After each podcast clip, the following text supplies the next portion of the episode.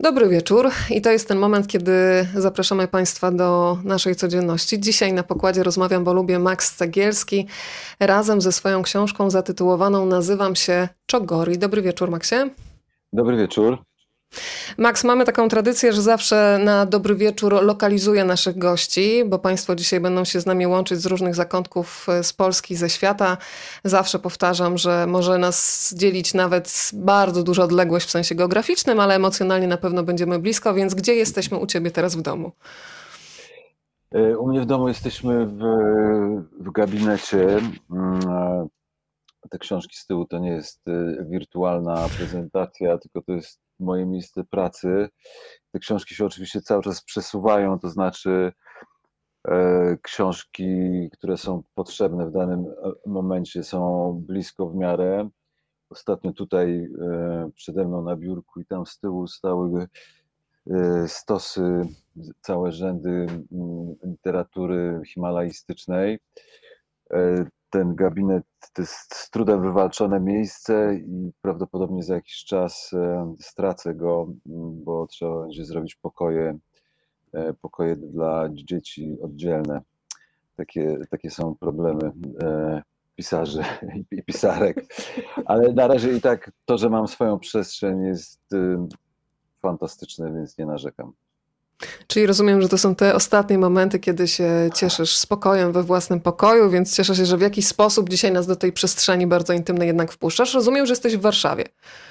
Tak, jestem, jestem w Warszawie na Mokotowie, mm, skąd y, wyruszam na, na wyjazdy i skąd moja głowa wyrusza e, przy pracy literackiej. Tutaj w tym gabinecie wszystkie 15 lat ostatnich, y, wszystkie książki powstawały tutaj i, i, w podróżach oczywiście, ale w sensie, że ten, y, to ostatnie pisanie się odbywało dokładnie na tym komputerze i w tym miejscu. To słuchaj, muszę ci powiedzieć, że jesteś na Mokotowie w Warszawie, ale jesteś już w Londynie, w Leeds, w Nysie, mm. w Minneapolis, Szczecin nas pozdrawia, Warszawa, Kabaty, bardzo dokładne też lokalizacje, Gdynia, Sulejówek, mm. Rawicz i kolejne osoby dołączają, z czego się bardzo cieszę.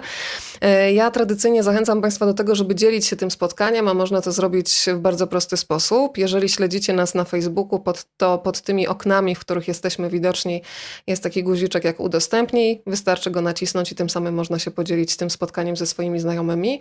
A jeżeli są z nami Państwo na YouTubie, to kopiujemy link e, i przesyłamy dalej. I od razu mówię, że w każdym momencie tego spotkania można dołączyć ze swoim pytaniem, z, można się też dzielić doświadczeniami. Max, to zacznę od tego, że Cię po prostu przedstawię.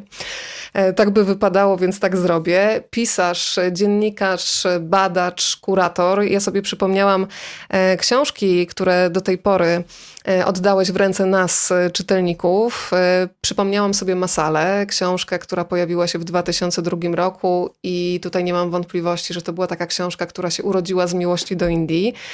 Dzisiaj na pewno też warto przywołać tytuł Pijani Bogiem, bo to Pakistan, a jeżeli chodzi o książkę Nazywam się Czogori, to do Pakistanu za chwilę w taki wirtualny sposób ruszymy. Prince Polonia, rzecz jasna, no i przypominam też dzisiaj Państwu w zapowiedzi Oko Świata od Konstantynopola do Stambułu i od razu razu zastrzegam, że nie wymieniłam wszystkiego, za co jesteś odpowiedzialny. Współzałożyciel Masala Sound System e, przed nami dzisiaj też. O takim rytmie i o muzyce w tej książce na pewno porozmawiamy. Ale powiem Ci, że tuż przed naszym dzisiejszym spotkaniem zainwestowałam jeszcze w TVN Go, TVN24 Go, żeby sobie przypomnieć cykl Twoich rozmów z Himalajstami, e, czyli taki cykl, który został schowany pod tytułem Próba podejścia. No to zacznę od tego, czy ktoś z Twoich rozmówców, którego e, zaprosiłeś do tego cyklu, trzymał już książkę Nazywam się Czogori w rękach, a jeżeli tak, to jaki był odzew? Nie, nie, jeszcze nie, absolutnie.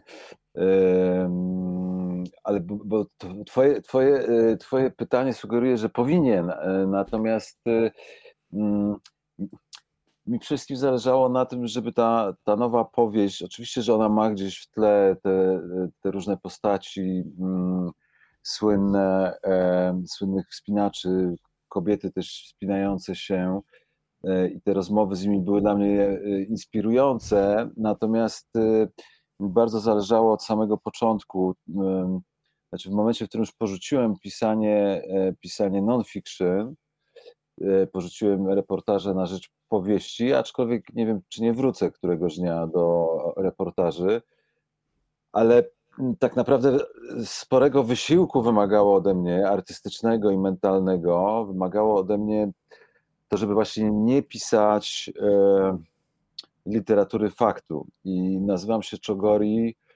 Mm, nie jest na przykład, nie jest absolutnie w żaden konkretny sposób zainspirowana jakąś konkretną postacią, tak? To znaczy, kiedy w trakcie tej wyprawy, którą odbywają bohaterowie, razem z Olem, powiedzmy tym głównym przewodnikiem, poznajemy zarówno miejscowych, jak i uczestników, e, uczestników ekspedycji, którzy są oczywiście pewnymi typami, reprezentują mm, na pewno starsze i młodsze pokolenie, e, to to nie są żadne konkretne osoby. Tak? To, to nie jest powieść z kluczem. E, to nie jest tak, że kierownik Jan to jest któryś z tych wielkich mistrzów e, realnych. Bo to są pewne typy, pewne postawy i, i kiedy oni, kiedy tworzyłem te postaci, to oni się oczywiście różnią po to, żeby mogło dochodzić do różnych sporów, które są też sporami wewnątrz himalaizmu, na przykład pomiędzy wyczynem i, i, i, medialnością, a jakimś pięknem e, sportowym, tak? Natomiast e, mm, no to nie jest żadna konkretna nigdy osoba, więc e, krótko mówiąc, tym, z którymi wtedy rozmawiałem, tej książki nie wręczałem. Mam nadzieję, że ją przeczytają, ale mm,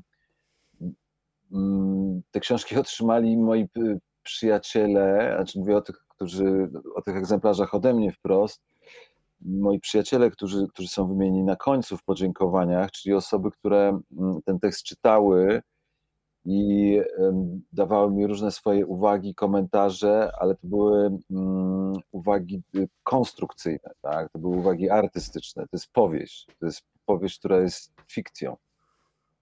To prawda, ale też chyba mm, będę tutaj wyrazicielką wielu czytelników, że wielokrotnie się uśmiechaliśmy. Mówię o ludziach, którzy przynajmniej częściowo są zanurzeni w świecie górskim, a przynajmniej y, rozmawiali nieraz, nie dwa z Himalajstami, bo ta forma fabuły pozwala ci mylić tropy, czyli już się uśmiechasz, o, to zachowanie byłoby charakterystyczne dla, ale za chwilę już jakiś detal się nie zgadza i to jest właśnie ta fabuła, która e, pozwala różne rzeczy schować, pozwala połączyć różnych bohaterów, e, więc okej, okay. powiedziałeś o tych osobach, e, którym dziękujesz. Myślę, że taką ważną osobą jest Piotrek Trybarski, który zresztą zostawił przy okazji promocji tej książki ważne słowa. Powiedział wprost, że chyba jeszcze nikt nie pisał o górach wysokich z takiej perspektywy, jak ty to robisz. No to skoro mówimy o Piotrze, to przypomina mi się jego książka Wszystko za K2, Ostatni atak lodowych wojowników. Powiedz jeszcze, bo tę książkę na pewno czytałeś, zresztą oglądałam cię w akcji w TVN24 Go i ta książka była bardzo mocno pozaznaczana, ale do jeszcze jakich dokumentów, do jakich książek sięgnąłeś po to, żeby zbudować tło, w które wsadzisz tych y, bohaterów, których, jak mówisz, budujesz z wyobraźni, oni są osadzeni w rzeczywistości, więc jakie lektury ci towarzyszyły? No to mogę nawet je częściowo pokazać. Poprosimy. Że, że one jeszcze wciąż, wciąż stoją tutaj. E, jak widać, jest bardzo mocno pozaznaczana e, książka Pochowani w niebie. E, niezwykła historia szerpów i największej tragedii na K2, wydana zresztą przez Marginesy, to samo wydawnictwo, które, w którym ja wydaję, a przetłumaczona przez Kaję Gucio. E, bardzo ciekawą tłumaczkę, która na nowo tłumaczy różne teksty. Też takich książek e, o samym K2 to mm, Duchy K2 e, Mika Konefrejego, epicka historia zdobycia, zdobycia szczytu i też jak widać ona jest pozaznaczana. Książka Piotrka Trybalskiego jest tutaj. Stoi. U podnóża góry. Tak, tak. I rzeczywiście widać, że jest, że jest mocno pozaznaczana. E, tutaj jest też e, mm, jest też książka, no właśnie z tych takich książek o samym K2 jest Bez powrotu, mm, wydawnictwo czarne Graham Bowley, Życie i śmierć e, na K2 jest Anny Czerwińskiej, która była też w TVN24 Go groza wokół K2. Więc te, i, i, dużo więcej, tylko mm, skoro właśnie wspomniałaś o, o Piotrze Trybalskim, znaczy dla mnie to mm, bardzo ważne było, żeby ta książka y, trzymała się pewnych e, faktów, z jednej strony takich technicznych faktów, czyli na przykład tego, którędy się w ogóle idzie pod, pod górę, którą ja jednak zdecydowanie nazywam Czogori, a Anglicy ją mm, licząc, ją określili jako K2. E, więc na przykład poprosiłem Piotra Trybalskiego, żeby, żeby sprawdził, czy ja z kolei już dając upust swojej fantazji i tworząc różne sytuacje dramaturgiczne, e, czy to się, czy to się trzyma rzeczywistości nadal, tak? Więc tutaj zakreśliłem sobie pewne granice, granice właśnie prawdopodobieństwa, zgodności z historią himalaizmu, ale na tym później myślę, nawet y, te książki, które pokazałem, one dla mnie na, na etapie researchu były niesłychanie istotne, a potem ostatni etap pisania tej książki na przykład był taki, że siedziałem mm, daleko, e, daleko od Polski y, na wsi, zamknięty sam, e, nie miałem żadnych książek i właśnie przeszedłem do, do innego etapu, do takiego etapu szaleństwa i wymyślania różnych rzeczy, tak? Przekraczania mm, granic swojego umysłu e, i jakichś granic artystycznych, tak? Do tych bohaterów, którzy się wymykają takiemu racjonalnemu poznaniu, jeszcze dzisiaj na pewno dotrzemy. Chciałam Ci powiedzieć, że jesteśmy na przykład teraz e, z Panem Erykiem w Afryce. Mm. Z nad oceanu spogląda sobie na południowoafrykańskie góry. E, bardzo się cieszę, że możemy tutaj tak się połączyć i, i ta odległość geograficzna nie ma znaczenia. E, w Twojej powieści, Max, jest taki dialog, w którym Olo, Olo, który jest fotografem i rusza z polskimi wspinaczami na wyprawę do Karakorum, no, stara się zrozumieć, od razu też powiedzmy, że w górach 10 lat wcześniej zginął jego ojciec, stara się zrozumieć w ogóle, co ludzi w te góry ciągnie. Tam jest takie zdanie, że w zasadzie ni chuja nie rozumie, o co chodzi w tym Himalajzmie i zastanawiam się, Max, kiedy ty stwierdziłeś, że nie do końca rozumiesz i że chciałbyś zrozumieć, bo rozumiem, że w pewnym stopniu cały cykl próba podejścia był taką próbą zrozumienia, wejścia w temat. Mm. Więc y, ten twój pierwszy moment, kiedy w ogóle świat góra, przede wszystkim ludzi w tych górach, zaczął być dla ciebie pociągający. Mm. Znaczy, to jest, to jest tak, y, że mm, ja w po mniejszych górkach, po małych gór, górkach, po na przykład po Beskidzie Sądeckim, to chodziłem jeszcze jako mały chłopak i na przykład ostatnio byłem e, ostatnio byłem e, na takim e, bardzo intensywnym trekkingu, w, w, w okolicach, w okolicach Wołowca, e, gdzie mieszka i pozdrawiamy oczywiście serdecznie Andrzeja Stasiuka i wydawnictwo Czarne, które, które ma tam jakby oficjalnie siedzibę wciąż. E, ja tam byłem mając jakieś 10 lat, e, kiedy mm, w dawnej Łemkowskiej opustoszałej wsi Czarne był dom, gdzie mieszkali e, buddyści i hodowali osła i hodowali e, południowoamerykańskie lamy, tak? Ja tam byłem pierwszy raz z moim ojcem, jak miałem chyba 10 lat. Oczywiście to są górki, tak?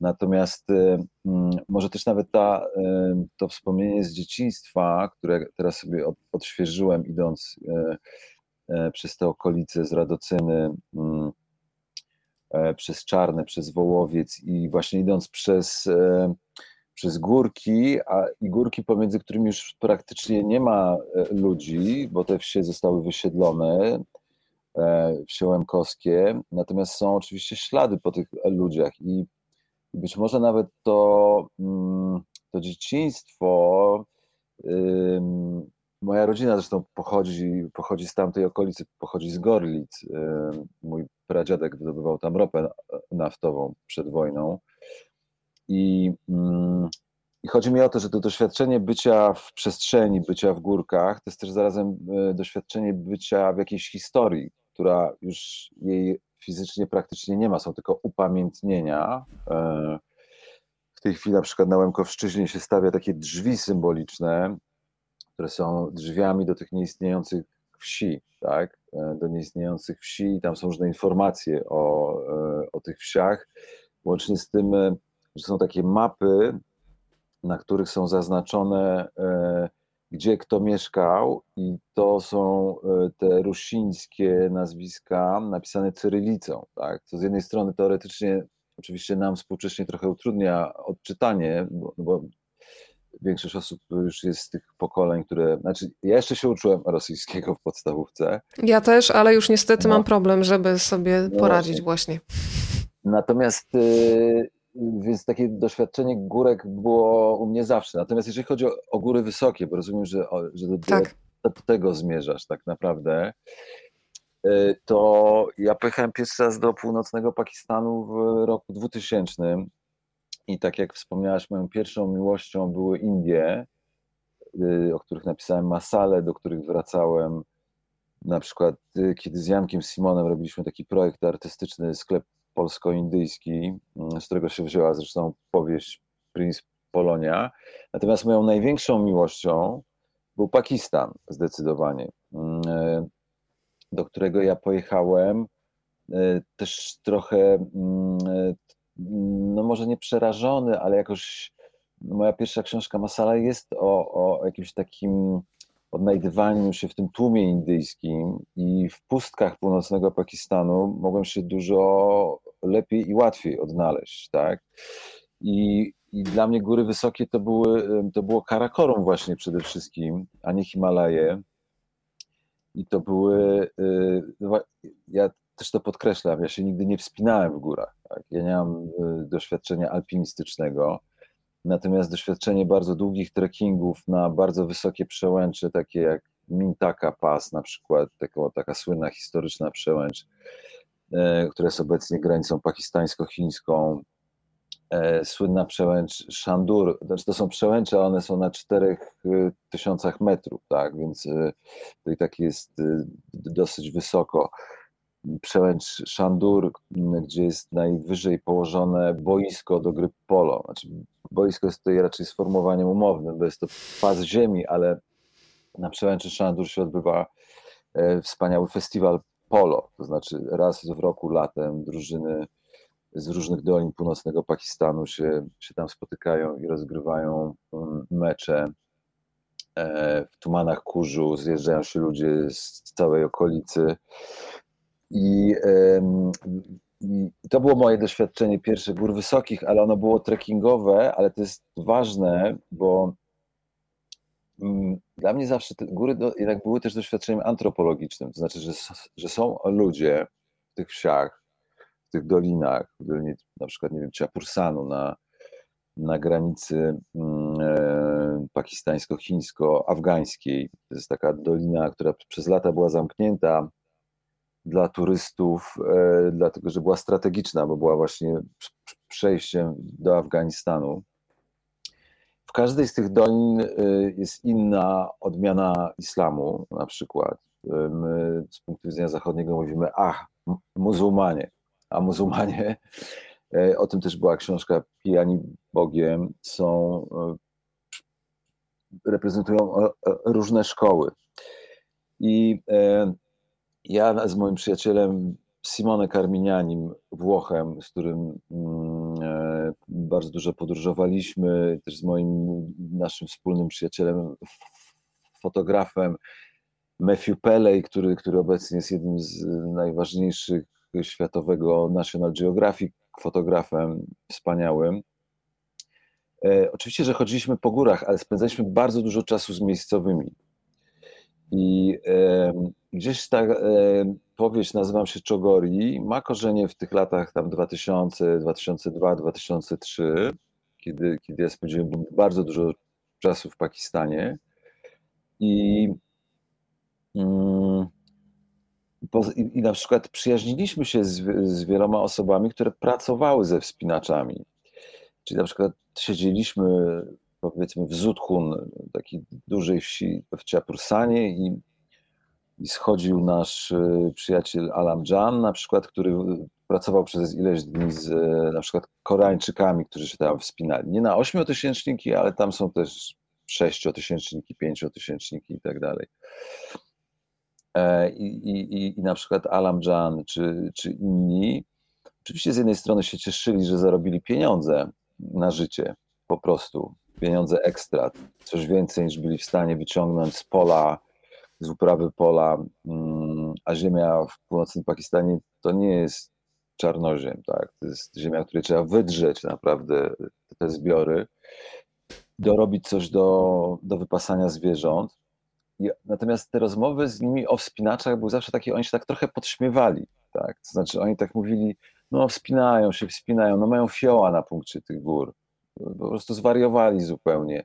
W ogóle nie interesuje tych wspinaczy nasz świat, on mówił, to oni są tylko już zapatrzeni na ten szczyt, tak? Więc, żeby, dobra, żeby już to, bo, bo zaczynam się rozgadywać, a żeby odpowiedzieć trochę na twoje pytanie, bo chyba trochę uciekłem w bok, e, ja przede wszystkim najpierw myślałem o tych, którzy są poniżej, tak? E, a nie o samym szczycie. E, a myślenie himalajskie to jest myślenie o szczycie, o samym szczycie, o celu, tak? A mnie zawsze interesowała też na nizinach interesowała mnie droga e, i przeżycie, e, które mam po drodze. To nie wiem, czy się zgodzisz, ale powiedziałabym, że my dzisiaj w tej rozmowie idziemy do Czogori, a nie na Czogori, bo nie chodzi o jej zdobycie, a chodzi o poznanie. E, przyznam ci się, że pierwszy moment, pierwsza strona w zasadzie, kiedy zaczęłam czytać Twoją książkę, to była taka dezorientacja. E, i takie bardzo dziwne uczucie w brzuchu lęku i niepokoju, które świadczy o czymś, że coś, coś bardzo złego się dzieje. Mm, to może Państwo posłuchają fragmentu i zaraz potem, Max, wrócę z pytaniem. Wschodzi księżyc. W zimnej poświecie zbliża się mężczyzna. Chcę uciec, ale nie mogę się ruszyć. Przyrosłam do ziemi, ważę tony. Czuję jego nieświeży oddech. Najpierw zadaję lekki cios, ale i tak przeszywa mnie ból. Naciska i wchodzi głębiej, raniąc dotkliwie. Ma zaciętą minę i pusty wzrok, bierze szeroki zamach, wali, bije mocno, z całej siły opiera się na narzędziu, szarpie i rozrywa. Zostaw mnie, przestań, krzyczę, ale on nie słyszy i znów uderza. Nie chcę tego, nie wytrzymam. Księżyc przesunął się wyżej. Napastnik podciąga się o metr i znów unosi rękę. Atakuje z pasją. Ostre kolce na jego butach drapią okrutnie jak grac. Powyżej dwóch jego partnerów chce mnie spętać, zamknąć w klatce z metalu i długich lin. Wszyscy trzej nic nie mówią, choć sapią głośno. Jestem tak obolała, że przez chwilę milczę i pozostaję bierna. Są silni, ale ze mną nie mogą się równać. Otrząsam się, dość tego, muszę się bronić. No i Max, to po prostu brzmi jak wiesz, jak jakaś scena gwałtu. Ja dzisiaj dopiero też zrozumiałam, kiedy słuchałam twojej rozmowy z Piotrkiem Trybalskim, yy, że takie hasła i takie podejście do góry ze strony wspinaczy, oczywiście niektórych też padały. Piotrek opowiadał chyba o wyprawie na Everest, gdzie jeden ze wspinaczy, wkurzony, że po raz kolejny próbują i nie wychodzi, mm. mówi zgwałcimy tę górę. I to jest coś takiego, że aż się w ciele czuje no, taki bunt. W ogóle no, ktoś przekracza ewidentnie twoje granice i ty oddajesz e, głos Czegori. Kiedy w ogóle pomyślałeś, żeby odwrócić to spojrzenie, żeby w końcu mhm. nie wspinacze opowiadali o górze, tylko żeby jej dać głos i w pewnym sensie spersonifikować, ale tylko w pewnym sensie, e, bo to też jest bardzo mocno zaznaczone w twojej książce, że góra też nie jest kobietą. To jest w ogóle jakiś taki mhm. twór, natury, który się wymyka wszelkim jakimś kwali- mhm. klasyfikacjom. No tak, to jest chyba najważniejsze pytanie, to, to, to które zadajesz. Rzeczywiście ja, ja, przyznaję, że było tak, że kiedy pisałem ten prolog, a pisałem go wcale nie na początku, to bardzo świadomie usiłowałem sobie wyobrazić sytuację gwałtu, E, i starałem się napisać w taki sposób te pierwsze zdania, żeby w tych pierwszych zdaniach nie było jeszcze jasne, że to chodzi o górę. Tylko myślałem, e, że tak powiem, o tobie, myślałem o czytelniczkach, o kobietach. Bo oczywiście mam całe mnóstwo literatury feministycznej, czy właśnie może nawet niekoniecznie feministycznej, ale zajmującej się traumami na przykład kobiet, tak, zajmującymi się E, agresją seksualną mężczyzn w stosunku do kobiet, tak. I, e, i, e, miałem gdzieś to w, w tyle głowy i tak to chciałem napisać, żeby, żeby tę sytuację rzeczywiście porównać do gwałtu, żeby dopiero po chwili się okazało, że to jest tak naprawdę góra, bo tam dopiero po chwili się pojawia, po tym co przeczytałaś, pojawia się, że klatka z lin i stali, zaczynamy już tak. domyślać się, że to, że to jest jakieś ciało spętane tym sprzętem himalajstycznym. Natomiast... Ale ten, ten fragment, kiedy no. piszesz, chcę uciec, ale nie mogę się ruszyć, to myślę, że to jest doświadczenie, które zna sporo kobiet, które może nie no. były ofiarami gwałtu, ale to mogła być wystarczająca po prostu jakaś napaść na ulicy, kiedy ktoś chce cię okraść. Sama pamiętam no. takie wydarzenie, kiedy chciałam biec, chciałam krzyczeć i nie byłam z siebie w stanie wydobyć głosu. I to jest dokładnie to, co jest takie mocno zakorzenione w ciele aż. Mm -hmm. Tak, tak, tak, tak. No to czy, znaczy Przykro mi, ale cieszę się, że tak to odbierasz, w tym sensie, że, że, tak. taki był mój cel dokładnie. Natomiast y, jak pytasz, kiedy, mm, kiedy ja o tym pomyślałem, to, mm, to się stało dosyć późno. I to się, bo najpierw była napisana historia, mm, ta książka miała różne wersje. Miała na przykład taką wersję, że wszystko opowiada Sheikh Iskander, czyli miejscowy szaman, ponieważ chodziło mi o to, żeby zmienić tę perspektywę. I tak jak w tych, w tych wszystkich książkach, które, które pokazywałem, to są książki pisane z naszego zachodniego punktu widzenia, e, bardzo niewiele jest książek, filmów. Jest na przykład taki film pod tytułem Invisible Footman o tragarzach właśnie w Karakorum, e, czyli próba spojrzenia na wyprawy ich oczami, tragarzy, i e, tutaj ten cel był, był taki, żeby po prostu tą antropologię całą odwrócić, tak? To, to nie, nie ludzie z zachodu są, e, przychodzą i mówią jak jest, tylko jest ktoś miejscowy, kto staje się narratorem. Ale później zrozumiałem, że to, że to jest za mało, że to nie wystarczy. To znaczy, że mamy taką ilość przyzwyczajeń różnego typu, mm, schematów myślowych dotyczących w ogóle podróżowania, a himalajzmu jakby w szczególności, e, że, że trzeba sobie wyobrazić coś więcej, jakby jeszcze jakiś inny punkt widzenia. I przyznaję, że tutaj inspiracją dla mnie pewną była, były wykłady Olgi Tokarczuk, która w tych, w, w czułym narratorze, który też gdzieś tu stoi, zarówno w tym wykładzie noblowskim, ale też tych innych, które zostały wydane, e, proponowała, czy wręcz domagała się, czy postulowała, e, mm, żeby literatura szukała innych punktów widzenia, żeby nie była tylko literaturą ja, ja, ja, e, tylko żeby spróbowała na to spojrzeć z jakiegoś innego, mm, nieoczywistego punktu widzenia. A dlaczego góra? No bo góry nikt nigdy nie pyta o zdanie, po pierwsze. E, ona, ona jest, zawsze, jest zawsze martwa, ale też chodziło mi o to, że to jest książka o śmierci też. I mm, pojawiają się w niej y, trupy wspinaczy. E, I pojawiają się rozważania, bo nie chcę też za dużo zdradzać z tego, co się tam pod koniec dzieje, ale mm, no w skrócie są takie byty graniczne tak? To znaczy, mm, trochę jest tak, że odrzucamy kulturę popularną i literaturę popularną z duchami, wampirami, e, zombiakami i tak dalej, bo oczywiście one są już, już tak przemielone na taki hollywoodzki albo jakiś koreański sposób. Natomiast y, y, pytania o te dziwne stwory zadawali sobie Mickiewicz czy Słowacki, którzy zresztą, którzy, którzy się też pojawiają w książce. Maria Janion o wampirach też, I nie? Przychodzi mi do głowy. I Maria, I Maria Janion, której też książka tutaj stoi i, e, i też była, była dla mnie ważna. Mm. E, czyli krótko mówiąc pytanie, gdzie kończy się życie i gdzie się e, zaczyna? Kto jest już do końca martwy, a kto jest jeszcze gdzieś pomiędzy? I, i trochę też pomyślałem, że jak jesteśmy w górach, no to jest też, no to tak, są jakieś, są zwierzęta, w tej książce się pojawia lampart śnieżny na przykład, tak? pojawiają się świstaki. E, czy mamy jakieś ssaki, które mm, my, ludzie współcześni, często już odrzucając na przykład jedzenie mięsa, zarówno z powodów jakby ekonomiczno-klimatycznych, ale też etycznych, no bo mówimy po prostu, że te zwierzęta są, mają coś więcej, tak? No nie są tylko częścią natury, tylko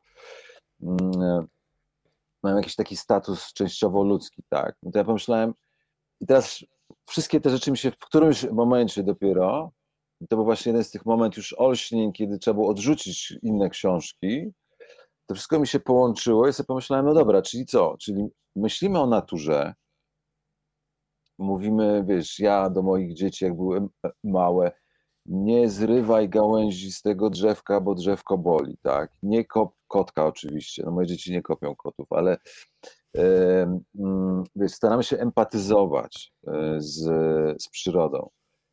No to okej, okay, dobra, to przekroczmy tą granicę, pójdźmy jeszcze jeden krok dalej i wyobraźmy sobie, nie tylko, że mm, wychodzimy na spacer z psem, tak jak ty ze swoim e, na Instagramie, tak? E, I to jest jakieś e, czujące życie, tylko a gdyby góra czuła, to, to co wtedy się wydarzy? No i to jest taki moment, kiedy ci się w głowie wszystko przekręca. Myślisz sobie, o wow, to jest, to jest coś, to jest coś, no bo mm, mamy te narracje Himalajstów, próbuję, ja to próbowałem odbić i, i opisywać ten świat oczami mm, szejka Iskandera, e, jego pra, pra, pra wnuka Karima i, i tragarzy, ale spróbujmy jeszcze mocniej to zrobić, tak? Wyobrazić sobie, co o tym świecie powie góra.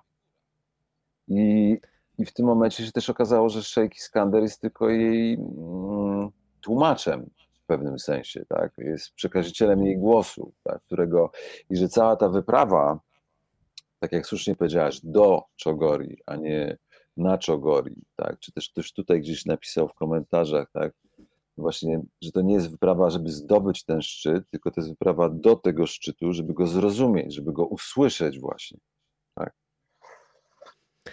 To Max, to teraz wprowadźmy e, w akcję. Mamy lata 90. i bardzo Ci dziękuję, że też je świetnie oddałeś. To jest ten moment, kiedy na rynku mamy machinę, mamy brum, mamy konferencje prasowe, które wyglądają e, w bardzo specyficzny sposób. Nie wiem, czy teraz się coś zmieniło, ale faktycznie to wyglądało tak, że znikały kanapeczki, znikało piwo, konferencje, które miały swój rytm, dziennikarze się rzucali, potem gdzieś biegli do redakcji, ale faktycznie to momentami było kuriozalne. Pokazałeś też świat reklamy, taki teatr absurdu. Tam jest taki dialog kiedy mm, pojawił się pomysł na to, żeby na konferencji wspinaczy pojawiły się hostesy e, oplecione linami, szczekanami obijającymi się, cytuję, o dupę.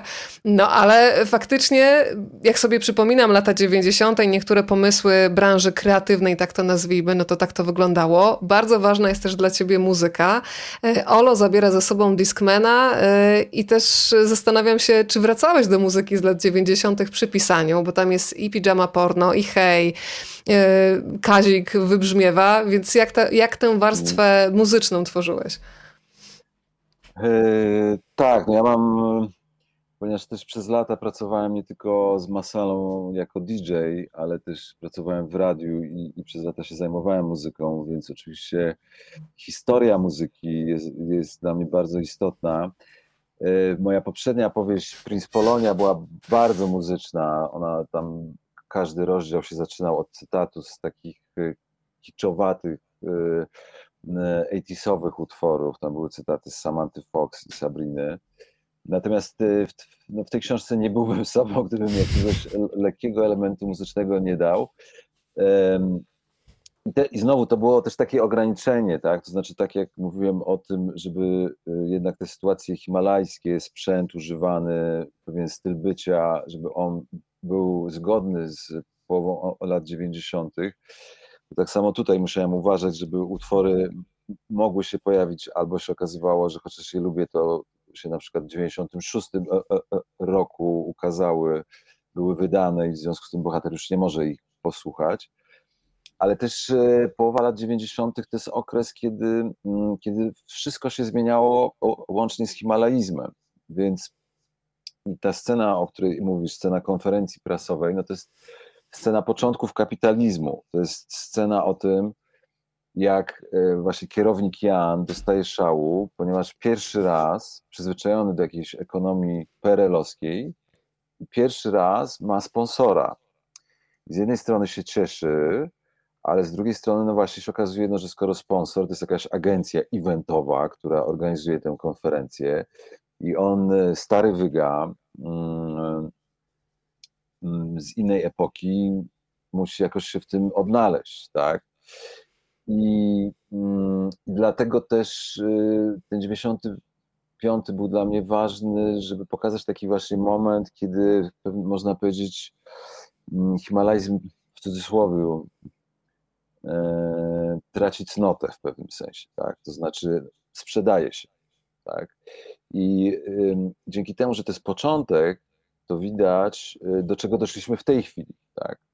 W, w tej chwili oczywiście doszliśmy do tego, że, e, że to, że są w ogóle sponsorzy jest dla nas oczywiste, że są transmisje w zasadzie już na żywo, no bo tak przecież było właśnie e, podczas tego ostatniego ataku lodowych wojowników w książce Piotra Trybalskiego, że to ta słynna scena mm, e, pokazywania w internecie tej operacji zszywania po tym, jak jeden kamień uderzył jednego z uczestników, e, no to w 1995 roku mamy dziennikarkę Zuzannę, która jest tam też w tej, w tej ekipie i która, żeby coś w tym stylu pokazać, bo to rzeczywiście to, co się tam wydarza z kontuzją jednego z bohaterów, było, było trochę mm, jakąś konsekwencją, czy próbą przeniesienia tego zszywania y, książce i w filmie też y, pod K2. Y, ona musi sobie zadać jakieś etyczne pytanie, czy, no bo dla dziennikarza wtedy to nie było jeszcze oczywiste, że ja takie rzeczy pokazuję, tak?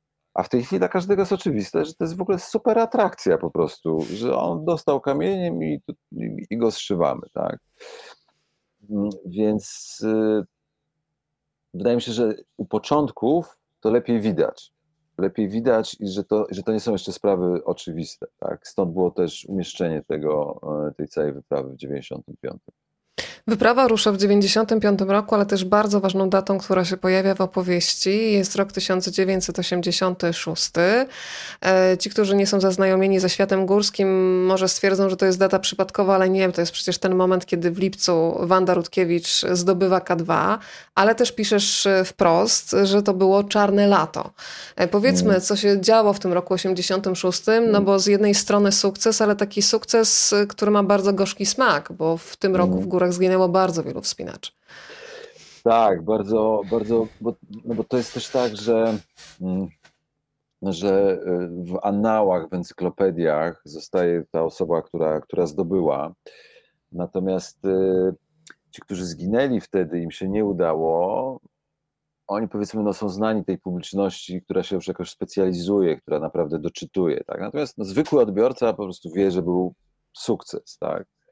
Natomiast już nie, nie myśli o tym, czym ten sukces jest okupiony. W pewnym sensie rzeczywiście to, że Czogori zaczęło być określane tymi wszystkimi przymiotnikami, że to jest mordercza góra, że to jest killer summit y, i tak dalej, się brało z tego, że ta statystyka była straszna, tak? dużo, dużo bardziej brutalna, ale też przez to, że taka brutalna, to stawiająca jakieś filozoficzne i etyczne pytania że za tą jedną osobą, która odnosi sukces, się kryje ileś tam, które traci życie. A w, ym, więc dlatego. Ym... W 86 ja tylko przepraszam cię, Max, przerwę. Zginęli Tadeusz Piotrowski, Dobrosława Miodowicz-Wolf, e, zginął Wojciech Wróż. E, no tak i to było jedno lato, prawda? To, to nie było mhm. gdzieś mm. na przestrzeni kilku lat. I to są, mm. tak jak powiedziałeś, takie mm, daty, które zostają, kiedy się spojrzy na taką jednostkową historię wspinacza. No to to będzie ta klamra zamykająca czyjeś życie, ale faktycznie pamięta się rok 86 jako Wanda mm. Rutkiewicz i sukces Polaków, a te śmierci gdzieś giną trochę jakby pod tym śniegiem. No tak, a poza tym e, też to, co mnie najbardziej zaskoczyło, jak zacząłem się wczytywać w, w historię podboju K2, no to jest to, ile osób w ogóle nigdy nie zostało odnalezionych.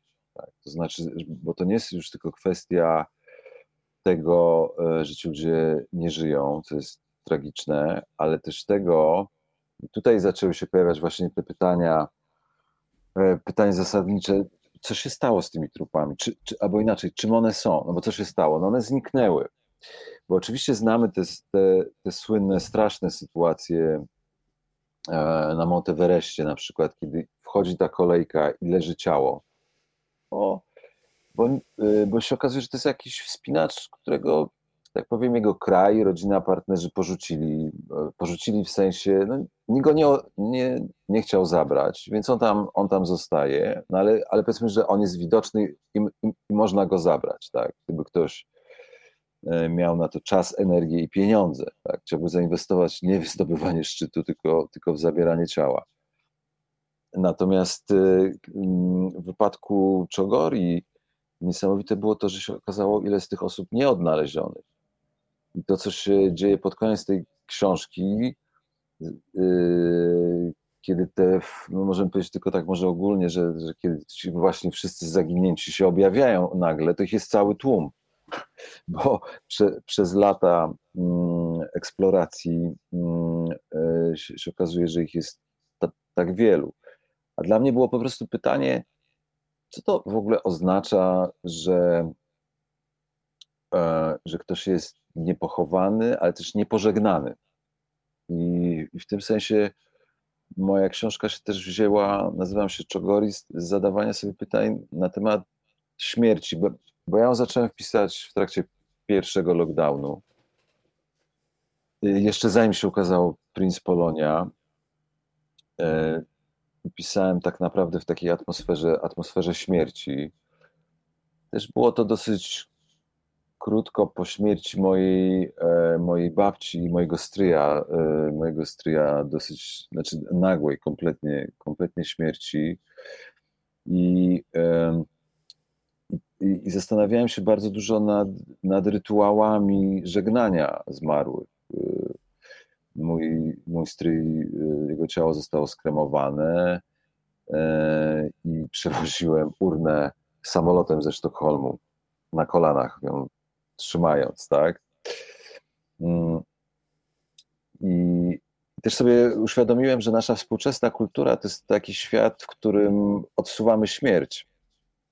Zresztą niektórzy nawet twierdzą, że, y, że w ogóle kultura polska ma, ma problem ze śmiercią y, i dlatego y, w ostatniej polityce był taki duży tekst Justyny Sobolewskiej o, o romantykach i Mickiewiczu, o tym, że tylko tam znajdujemy jakieś modele intelektualne do radzenia sobie ze śmiercią, natomiast współczesna kultura, ciało znika, się umiera w szpitalach i, i, i sprawa przestaje, przestaje być e, ważna w zasadzie, a wszystkim przestaje być widoczna. Tak?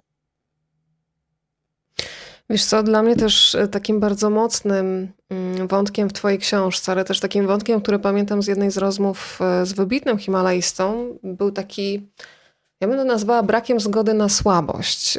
Pytałam mm. o sytuację, kiedy tracisz mm. Ludzi, którzy są razem z tobą w górach i faktycznie nie możesz nic zrobić, jesteś bezsilny. I pytam o to, czy w takich sytuacjach człowiek płacze, co wydaje mi się naturalne. I usłyszałam wtedy odpowiedź, nie płakałem, byłem wkurwiony. Mhm. Z takiej bezsilności. I pomyślałam sobie, że jest w tym coś e, cholernie opresyjnego, że nawet w sytuacji, no, kiedy dzieje się rzecz ostateczna, jesteś wychowany w, no, w takiej opresyjnej kulturze, gdzie nawet nie możesz opłakać towarzysza, tylko czymś, mm. co pokrywa to wszystko, co w tobie siedzi, jest złość. I w twojej mm. książce też jest taki wątek, kiedy Zuzanna opowiada e, o mężczyźnie, z którym była związana. Nie chcę Państwu za dużo zdradzać, ale jest takie krótkie zdanie, które gdzieś mi się z tym połączyło. No, gdzie będę ciągnąć e, himalaistę, wspinacza do psychoterapeuty? E, I nie wiem, gdybyśmy zrobili badania terenowe, nie wiem, czy pytałaś o to swoich rozmówców, mhm. jak często oni po takich koszmarnych doświadczeniach, po wielu wyprawach, gdzie oni nie tracą jednego przyjaciela czy kumpla, z którym się wspinali mhm. przez lata, tylko tych osób jest naprawdę pokaźny cmentarzek, jeżeli mogę to tak ująć. Jak oni sobie z tym radzą, bo nie wierzę, żeby coś takiego się nie osadzało w, mm. gdzieś w sercu, tylko że mam wrażenie, że to jest jak taka skała, że oni się zakleszczają, mm. ale co się z tym dalej dzieje, nie wiem. Mm. Nie chodzą na terapię raczej, chyba że w tym najmłodszym pokoleniu. No, tylko, że, tylko, że dlatego Zuzanna to mówi w pewnym momencie, bo ona jest przekonana, a ja chyba razem z nią, chociaż nie każda myśl każdego z bohaterów to jest coś, z czym ja się zgadzam stuprocentowo, to są raczej różne, często sprzeczne wizje. E, Zuzanna wszystkim mówi o tym, że gdyby chodzili do psychoterapeuty, to by nie chodzili w góry prawdopodobnie, tak? To znaczy wyzywanie śmierci i ryzykowanie w górach wysokich jest czymś takim, co, co nadaje się z pewnością na kozetkę terapeutyczną, tylko że wydaje mi się, że to jest w ogóle pytanie o wyczyn, tak? To znaczy, że nasza chęć bicia e, rekordów właśnie za wszelką cenę szczególnie e, jest taką sytuacją, która się nadaje na leczenie, na leczenie w ogóle cywilizacji. Bo ja, ja nie chcę oskarżać poszczególnych osób, bo to jest też wszystko, wszystkie te indywidualne postawy działają w ramach mm, jakiegoś świata, tak?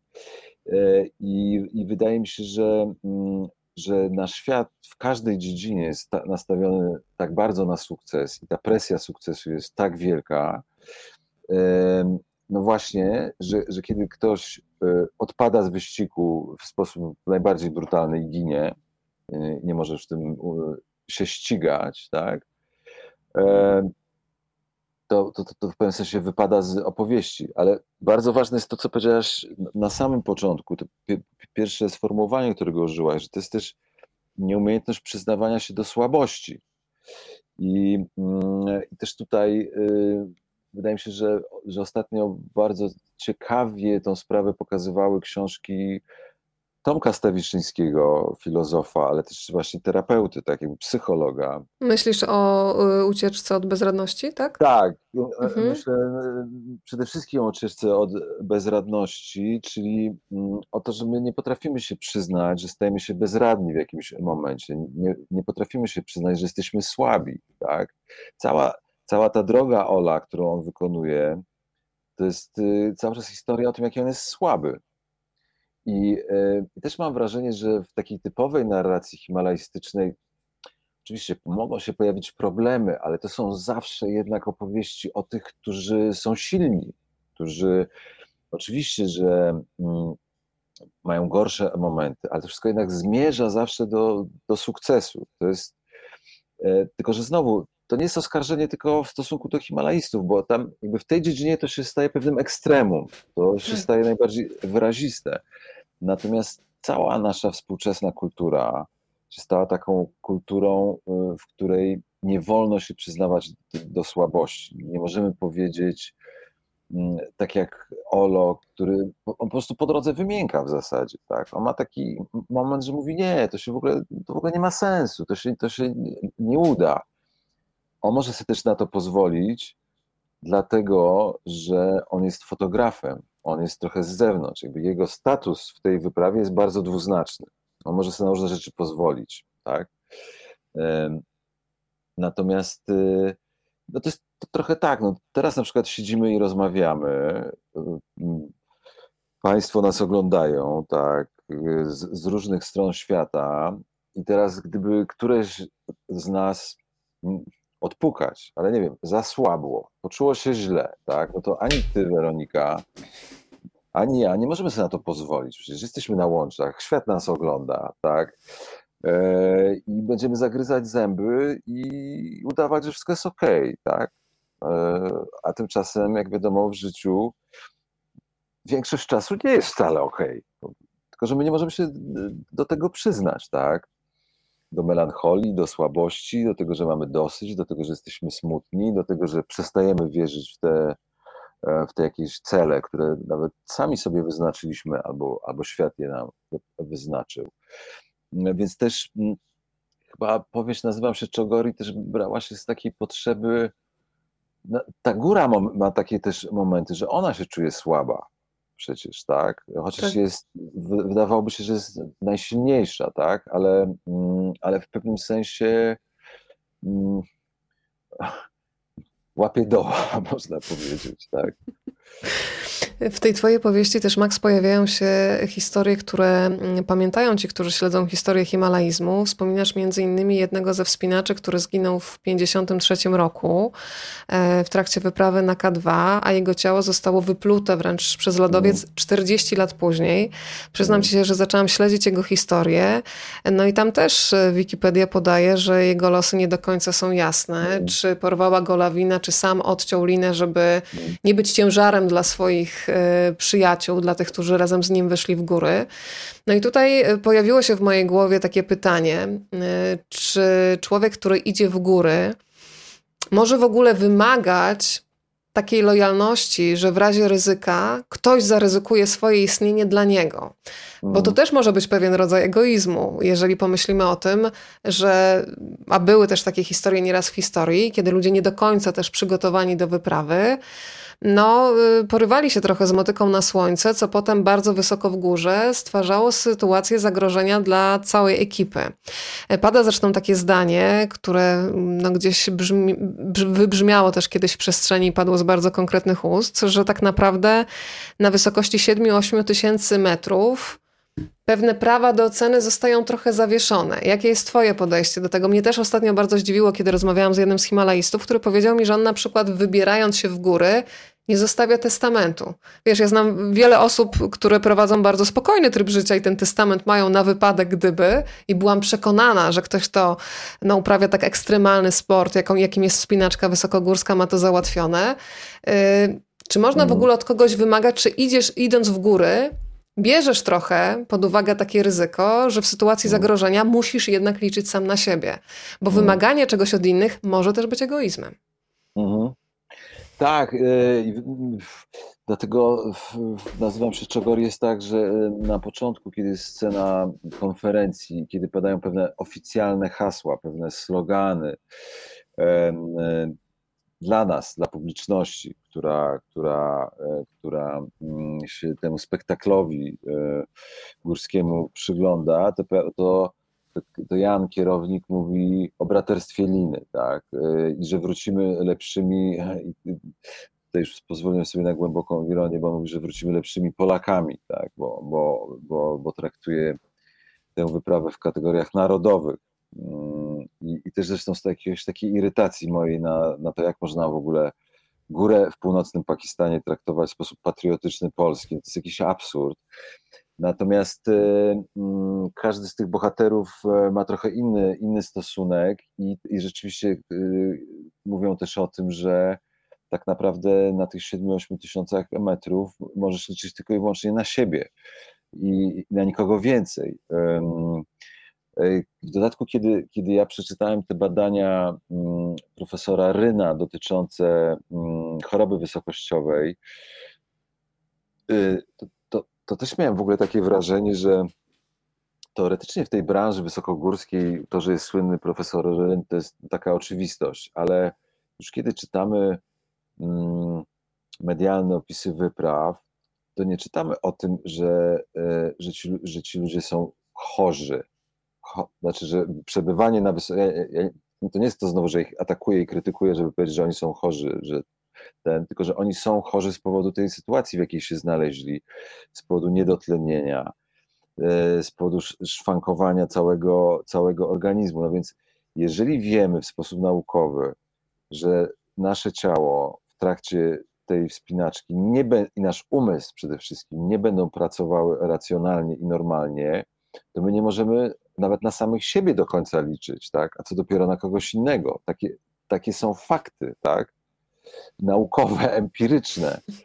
E, więc e, to hasło braterstwa liny w tym kontekście no się okazuje, ale braterstwo kogo z kim? Znaczy jednego, który, e, który już nie myśli racjonalnie, bo w mózgu zaczyna się pojawiać krew, gąbka i tak dalej, z drugą osobą, która, która, która ma to samo, albo trochę mniej, albo trochę bardziej. Znaczy, nie mówimy tutaj o podmiotach w pełni myślących, tak? tylko rozmawiamy o, o ludziach w sytuacji, w sytuacji granicznej e, na własne życzenie.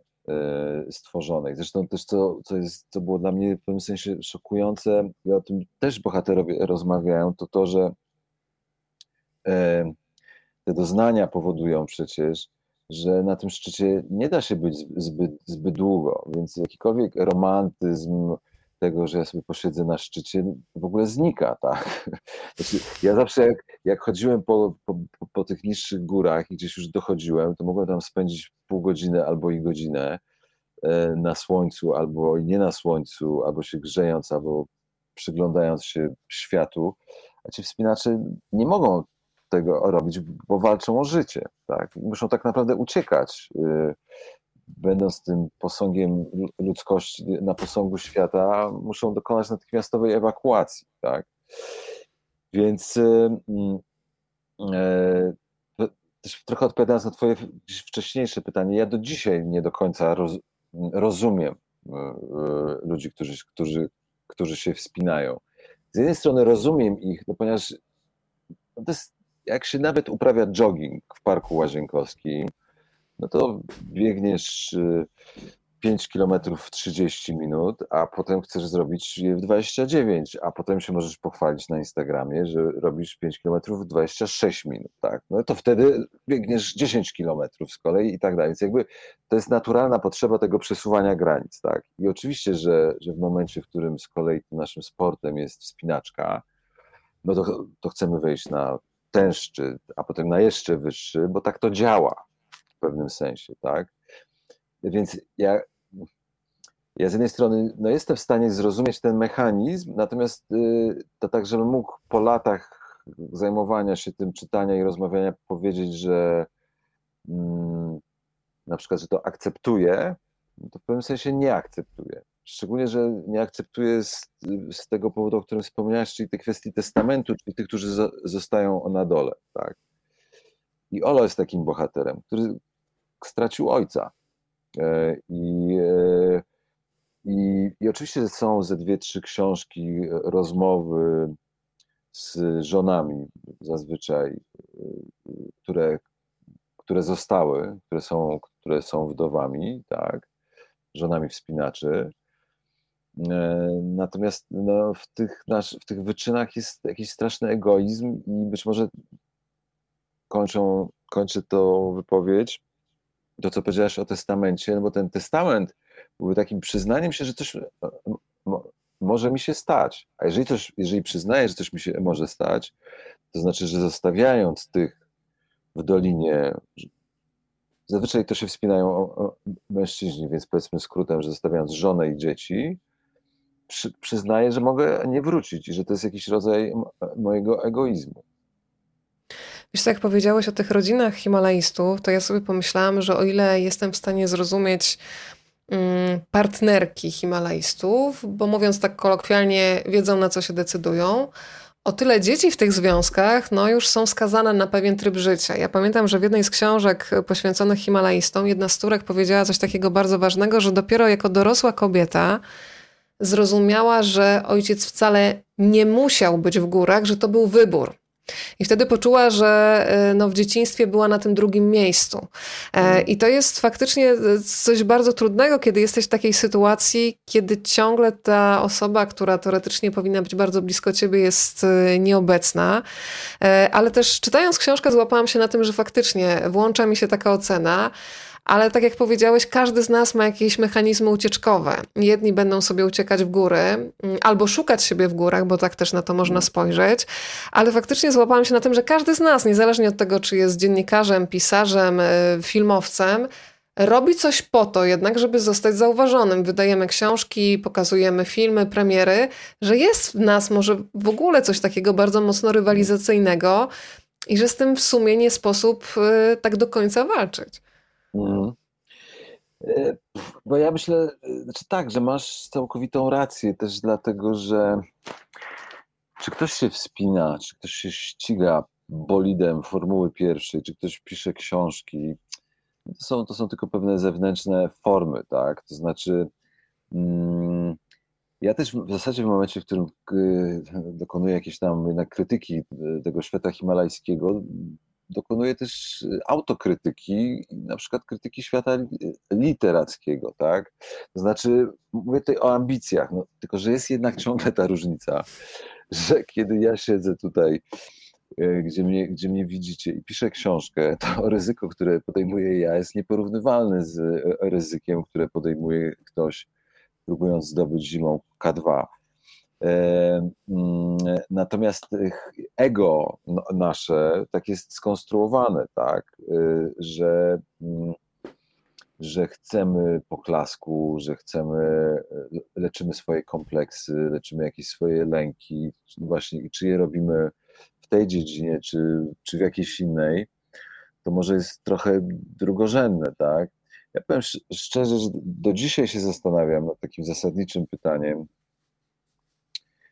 bo też y, ty, Weronika, pewnie wiele z osób, które nas oglądają, przeczytaliśmy dziesiątki biografii e, różnych wybitnych artystek i artystów, tak? I zazwyczaj, kiedy je przeczytaliśmy, to się okazywało, że nasi idole, y, albo tacy sprzed 100 czy 200 lat, ale też często bardzo jakoś tam współcześni, których kochaliśmy, szanowaliśmy za ich wiem, filmy, za ich książki, tak, E, fascynowaliśmy się nimi. Niestety się okazuje, że w codziennym życiu byli zazwyczaj po prostu potworami, a jeżeli nie byli potworami, to mają wiele na sumieniu, również w tym sensie, że poświęcali zazwyczaj swoje jakieś życie prywatne e, dla dobra swojej pasji, sztuki, e, po to, żeby, żeby mieć osiągnięcia, tak?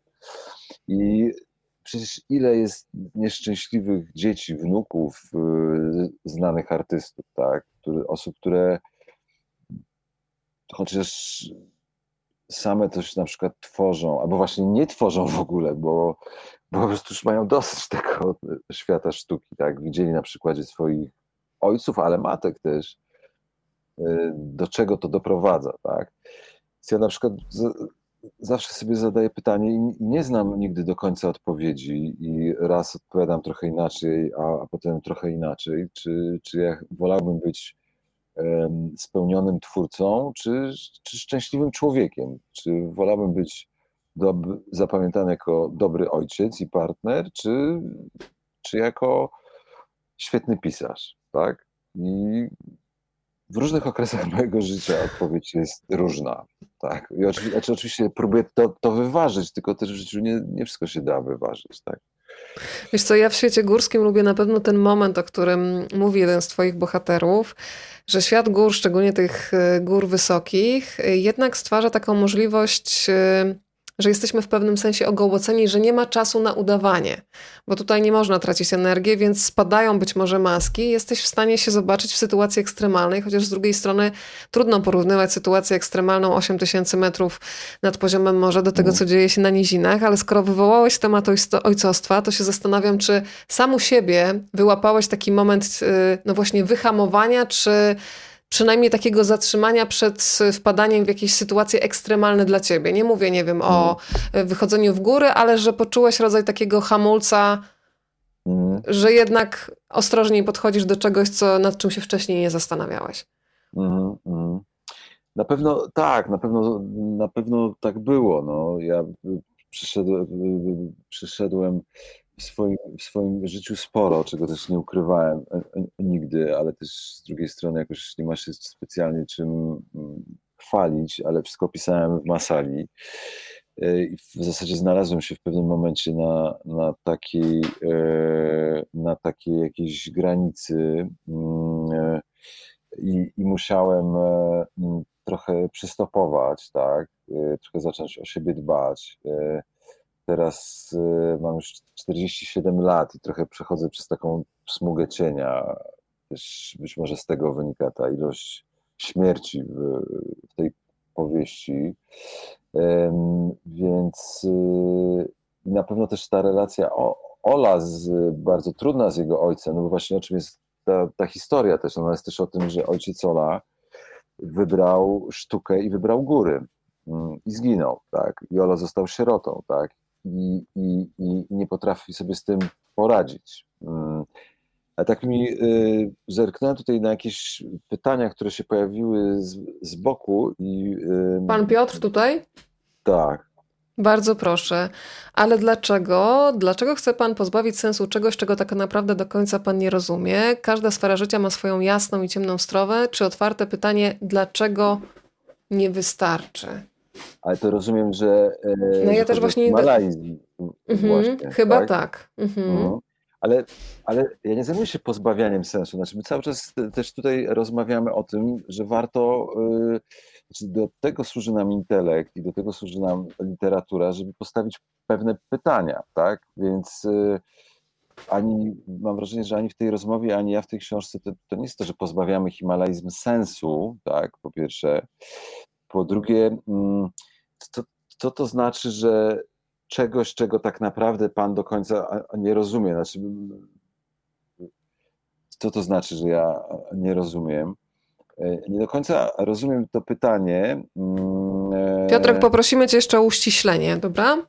Tutaj tak. E, komunikat do Piotra, ale, żeby faktycznie się tylko, odnieść stuprocentowo. Mhm. Ale jeszcze dorzucając, znaczy ci, ci bohaterowie, jak Pan, Panie Piotrze, przeczyta tę książkę, właśnie zadają sobie to pytanie, dlaczego, dlaczego się wspinam, dlaczego idę w góry i każdy, każdy z nich odpowiada inaczej, tak, bo tych odpowiedzi, bo też to jest może też odpowiedź ogólna, nie ma jakiegoś jednego sensu, tak, tylko dla każdego to chodzenie po górach y, jest czymś innym. To nie jest tak, że jest jakiś jeden uniwersalny sens, który wszystkich obowiązuje. To ja może przytoczę fragment z książki w takim razie. Y, jeden z bohaterów mówi: Chciałem wspiąć się tak wysoko, żeby pod sobą nie widzieć już nic, nie słyszeć nawoływań, wezwań, pretensji, żali. Tak zaliczyłem pierwsze ośmiotysięczniki, ale skumałem, że to się nie różni od chlania. Robisz to, żeby nie czuć, nie przejmować się rodziną ani pracą, zapomnieć. Y, drugi z bohaterów mówi z kolei: Szanuję życie, nie zamierzam go tracić. W górach mam punkt odniesienia, porównania i wtedy lepiej mi się żyje na co dzień. Dlatego chcę wrócić z tej ekspedycji nawet jeśli nie zdobędę pięknej góry. I tutaj od razu bym to połączyła, słuchaj, z y, brutalnym światem mediów, tak jak powiedziałeś teraz, wszystko, nawet wojnę oglądamy na żywo, co jest koszmarne. Z jednej strony dobrze, że widzimy, bo y, trzeba reagować, ale z drugiej strony teraz każda wyprawa i każdy taki graniczny punkt też już jest relacjonowany na żywo. Natomiast brutalność świata mediów polega na tym, że tragedia w górach to jest klikalność i o tym też mhm. warto chyba powiedzieć. Dokładnie, znaczy, bo to jest też tak, że, mm, e, że nie da się zadawać pytań, oderwa, znaczy nie ma tak, że jest tutaj jakaś, jakieś czyste pytanie filozoficzne o wspinanie się w górach, albo czysta odpowiedź filozoficzna, zupełnie oderwana od, od jakichś realiów świata. Tak? Jestem przekonany, że e, powody, dla których ludzie się mm, wspinają w góry, ale też podróżują, one się się po, zmieniały w czasie, tak, e, ale też chodzi mi o to, że mm, każda, no nie wiem, no, na przykład e, parę lat temu opublikowałem taką książkę Wielki Gracz ze Żmudzi na dach świata, która była o, o, o Polaku, Bronisławie Gromczewskim, który e, w armii rosyjskiej, carskiej dokonywał podboju Azji Środkowej. I oczywiście, że dla niego to, że był na Pamirze, to, że e, zresztą jest jedną, jedną z osób, które jako pierwsze opisały widok na górę, którą określono później jako K2. I, I oczywiście, że dla niego to, co robił, e, było przygodą, wspaniałą przygodą, tak? Było jakąś realizacją jakichś marzeń z dzieciństwa, gdyby, gdyby został na Litwie, mm, e, na Żmudzi, na której się wychował, to by nigdy nie zobaczył tego świata. Ale z drugiej strony była to jego praca, którą otrzymywał pensję po prostu. Był, oficer, był oficerem armii rosyjskiej i za te wszystkie swoje wspaniałe przygody otrzymywał liczne ordery, e, które na koniec życia, e, tuż przed wybuchem rewolucji w Rosji, uczyniły go bardzo zamożnym człowiekiem później przyszła rewolucja i wszystko stracił, tak? Równolegle z nim, e, dokładnie na tym samym pograniczu właśnie mm, Azji Środkowej, Himalajów, Karakorum, byli Anglicy, którzy mm, pisali na przykład niesamowite książki myśliwskie, co, co na przykład w dzisiejszych czasach jest już wydaje się czymś bardzo jakimś boomerskim. E, takie, a taka, taka literatura istniała wtedy, literatura taka sportowo-myśliwska. E, I to jest literatura znowu pełna przygody, właśnie my, my mężczyźni gonimy za dziką kozicą, jakie to jest wspaniałe, przygoda, wolność, romantyzm e, e, wręcz. Tylko, że też się jakoś tak okazywało, że połowa z nich była po prostu, pisała raporty dla rządu brytyjskiego, ponieważ w tych miejscach, gdzie polowali, to były tereny właśnie, gdzie obawiano się, że mogą Rosjanie przejść. Na tym polegała ta wielka gra, w której uczestniczył, e, uczestniczył um, Gromczeski, tak? Czyli coś, co wydawało się totalnie romantyczne, było bardzo ważnym elementem geopolityki. Anglicy się bali Rosjan, wchodzili w różne doliny, sprawdzali, czy przejdzie wojsko, tak? No i, nie ma jednej odpowiedzi, E, na to, czy to była wspaniała przygoda, czy to była po prostu polityka i kolonializm w najczystszej postaci, tak? Mm, no. To jeszcze jest pytanie za chwilę od e, Jacka, który tutaj nam się wyświetlił, które brzmi następująco. Nie wiem, czy możesz ocenić, ale ja tu się jeszcze podepnę, ponieważ powiedziałaś o tych mężczyznach. W ogóle taki patriarchalizm w górach też bardzo mocno e, we mnie jakoś wybrzmiewa po lekturze wielu książek e, dotyczących gór.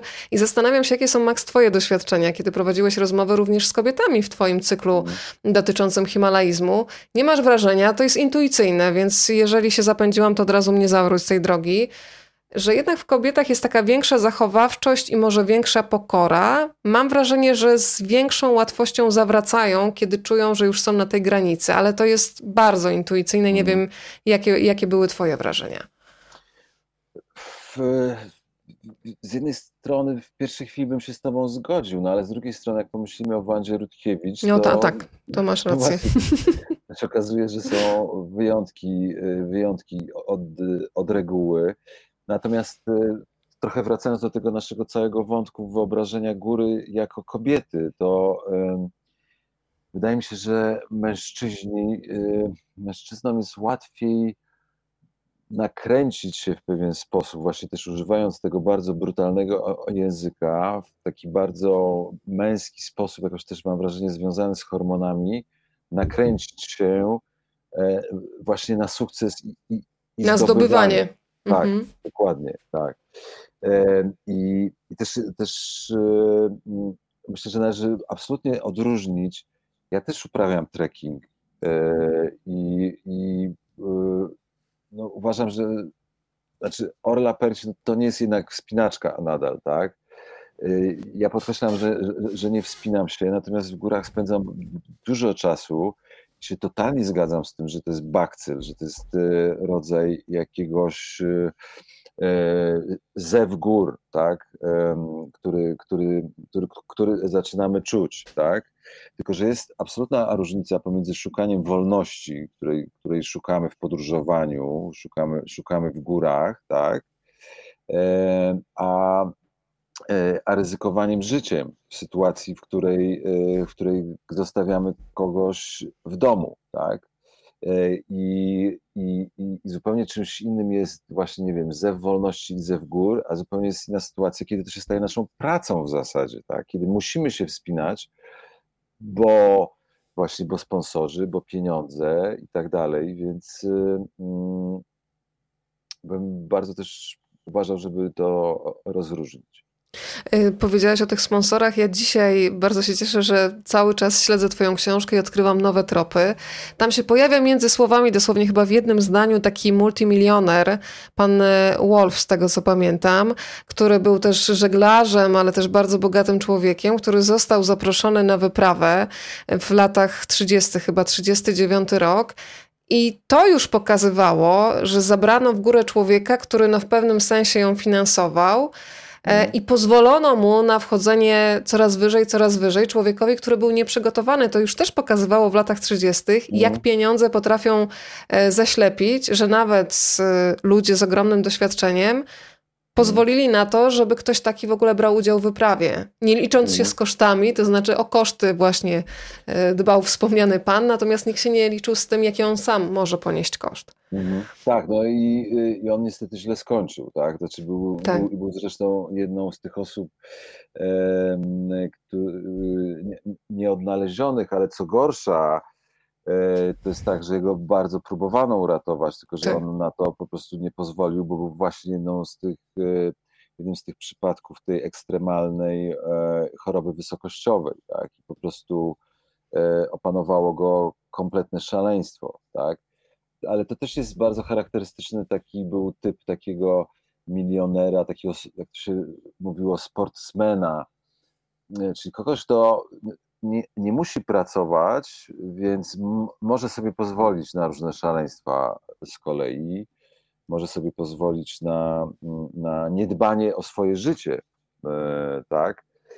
I, I oczywiście, że z jednej strony e, to takie niedbanie o swoje życie to jest, się wydaje, jakąś pociągającą wolnością, tak? Ale, no, ale z drugiej strony też bywa po prostu jakąś tam głupotą, no. E, kiedy się przekroczy jakieś e, granice. Piszesz bardzo dobrze w tej książce o tym, że teoretycznie jest jakaś e, godzina odwrotu, którą sobie wspinacze zawsze ustalają, ale potem pojawia się summit fever, kiedy już jesteś bardzo blisko i ta racjonalność kompletnie się rozmywa.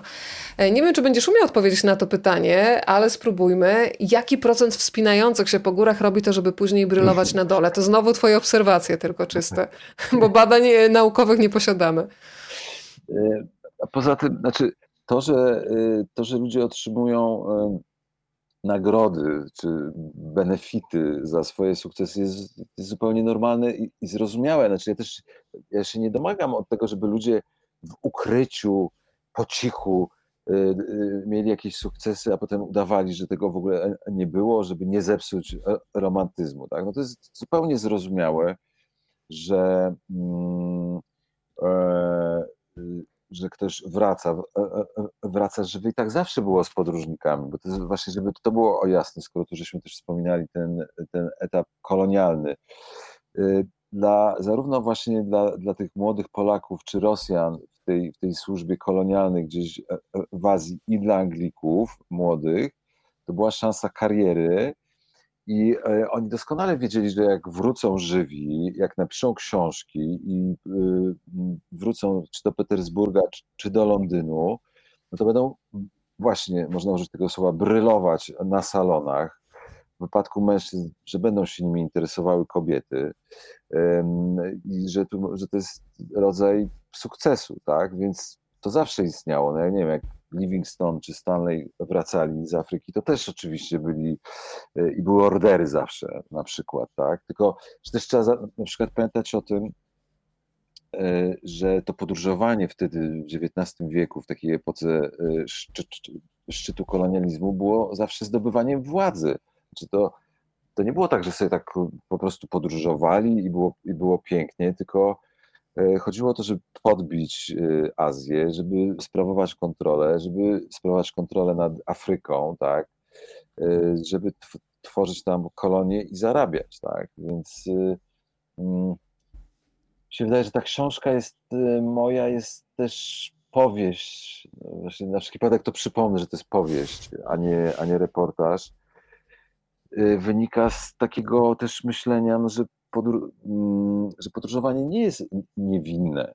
Znaczy, ma jakiś kontekst, tak? Ma jakąś geopolitykę za sobą, ma mm, to właśnie kogo stać na podróżowanie. I oczywiście, że ja bardzo bym chciał, żeby podróżowanie było czystą, romantyczną przygodą, ale po prostu życie takie nie jest, tak? To znaczy, nawet jeżeli pojedziemy do Zakopanego i, i do y, Tatrzańskiego Parku Narodowego, no to, na przykład musimy sobie zadać pytanie, no czy to, że w ten weekend znowu jest tłum po prostu, który, y, który idzie przez y, ok wyznaczonymi szlakami, czy to jest na pewno ok dla tych gór, naszych Tatr, prawda? Albo to, czy się zatrzymujemy u, w, w jakimś wielkim hotelu, który zapaskudził przestrzeń, czy w jakimś ładnym domu na przykład. Albo no, czy wsiadamy, nie daj Boże, na te dorożki koszmarne z tymi końmi, które padają po drodze, nie?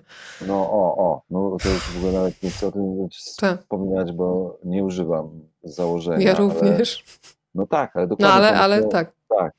Tylko to, to, to jest oczywiście mała skala i lokalna, no ale y, wielkie podróże y, też, no, małe podróże to są powiedzmy małe problemy, a wielkie podróże to są wielkie problemy i wielkie pytania. Bardzo się też cieszę, że dzięki Tobie do swojego słownika włączyłam nowe słowo karakorumiści, bo pokazujesz, nazywam się Czogori, że następuje też coś takiego jak zawłaszczanie w ogóle w tej przestrzeni języka. E, karakorumiści za chwilę wyjaśnisz, ale też uzmysławiasz, jaką mamy taką zdolność do tego, żeby tylko patrzeć w jednym kierunku, czyli patrzymy na górę, chcemy ją zdobyć, a przypominasz przecież o tych posterunkach wojskowych i o tym, że znowu konflikt wojenny, no nie powiem, że jest na wyciągnięcie ręki, ale niemalże, czyli mm. no, toczą się takie, no tak jak teraz, no, takie światy równoległe, które nie mają tej stycznej i, i, i z tym też sobie trzeba jakoś poradzić. Mm. Tak, no bo... Y bo wydaje mi się, znaczy tak. Karakorumiści jeszcze najpierw. Karakorumiści, no tak, dlatego że y, mamy szejka, szamana, Trumpa, naczelnika wsi y, Iskandera, który y, jest takim głosem, e, no jest, powiedzmy sobie szczerze, on w tej książce najbardziej jest krytyczny w stosunku nawet nie tylko do Himalajstów, ale właśnie do całego procesu historycznego, tak, do całego procesu kolonializmu. E, on na przykład przypomina, że w XIX wieku mieszkańcy wsi e, w północnych Indiach, wtedy powiedzmy, że to były po prostu Indie w górach, że oni mieli ustawowy obowiązek noszenia e, bagaży e, Anglików, tak? Czyli, że na przykład właśnie ci sportsmeni, o których wspominałem, którzy tak pięknie i romantycznie polowali, to mogli to zrobić tylko i wyłącznie dzięki temu, że podbita ludność tego regionu była zobowiązana do obsługiwania ich na trasie, czyli jakby e, to, że jesteś tragarzem, było twoim obowiązkiem. E, I oczywiście e, Iskander jest taką postacią, która, która takie rzeczy z różnych powodów wie, mm, czy wręcz, no właśnie, może nie zdradzajmy za dużo, może, może nawet pamięta prostu różne wydarzenia.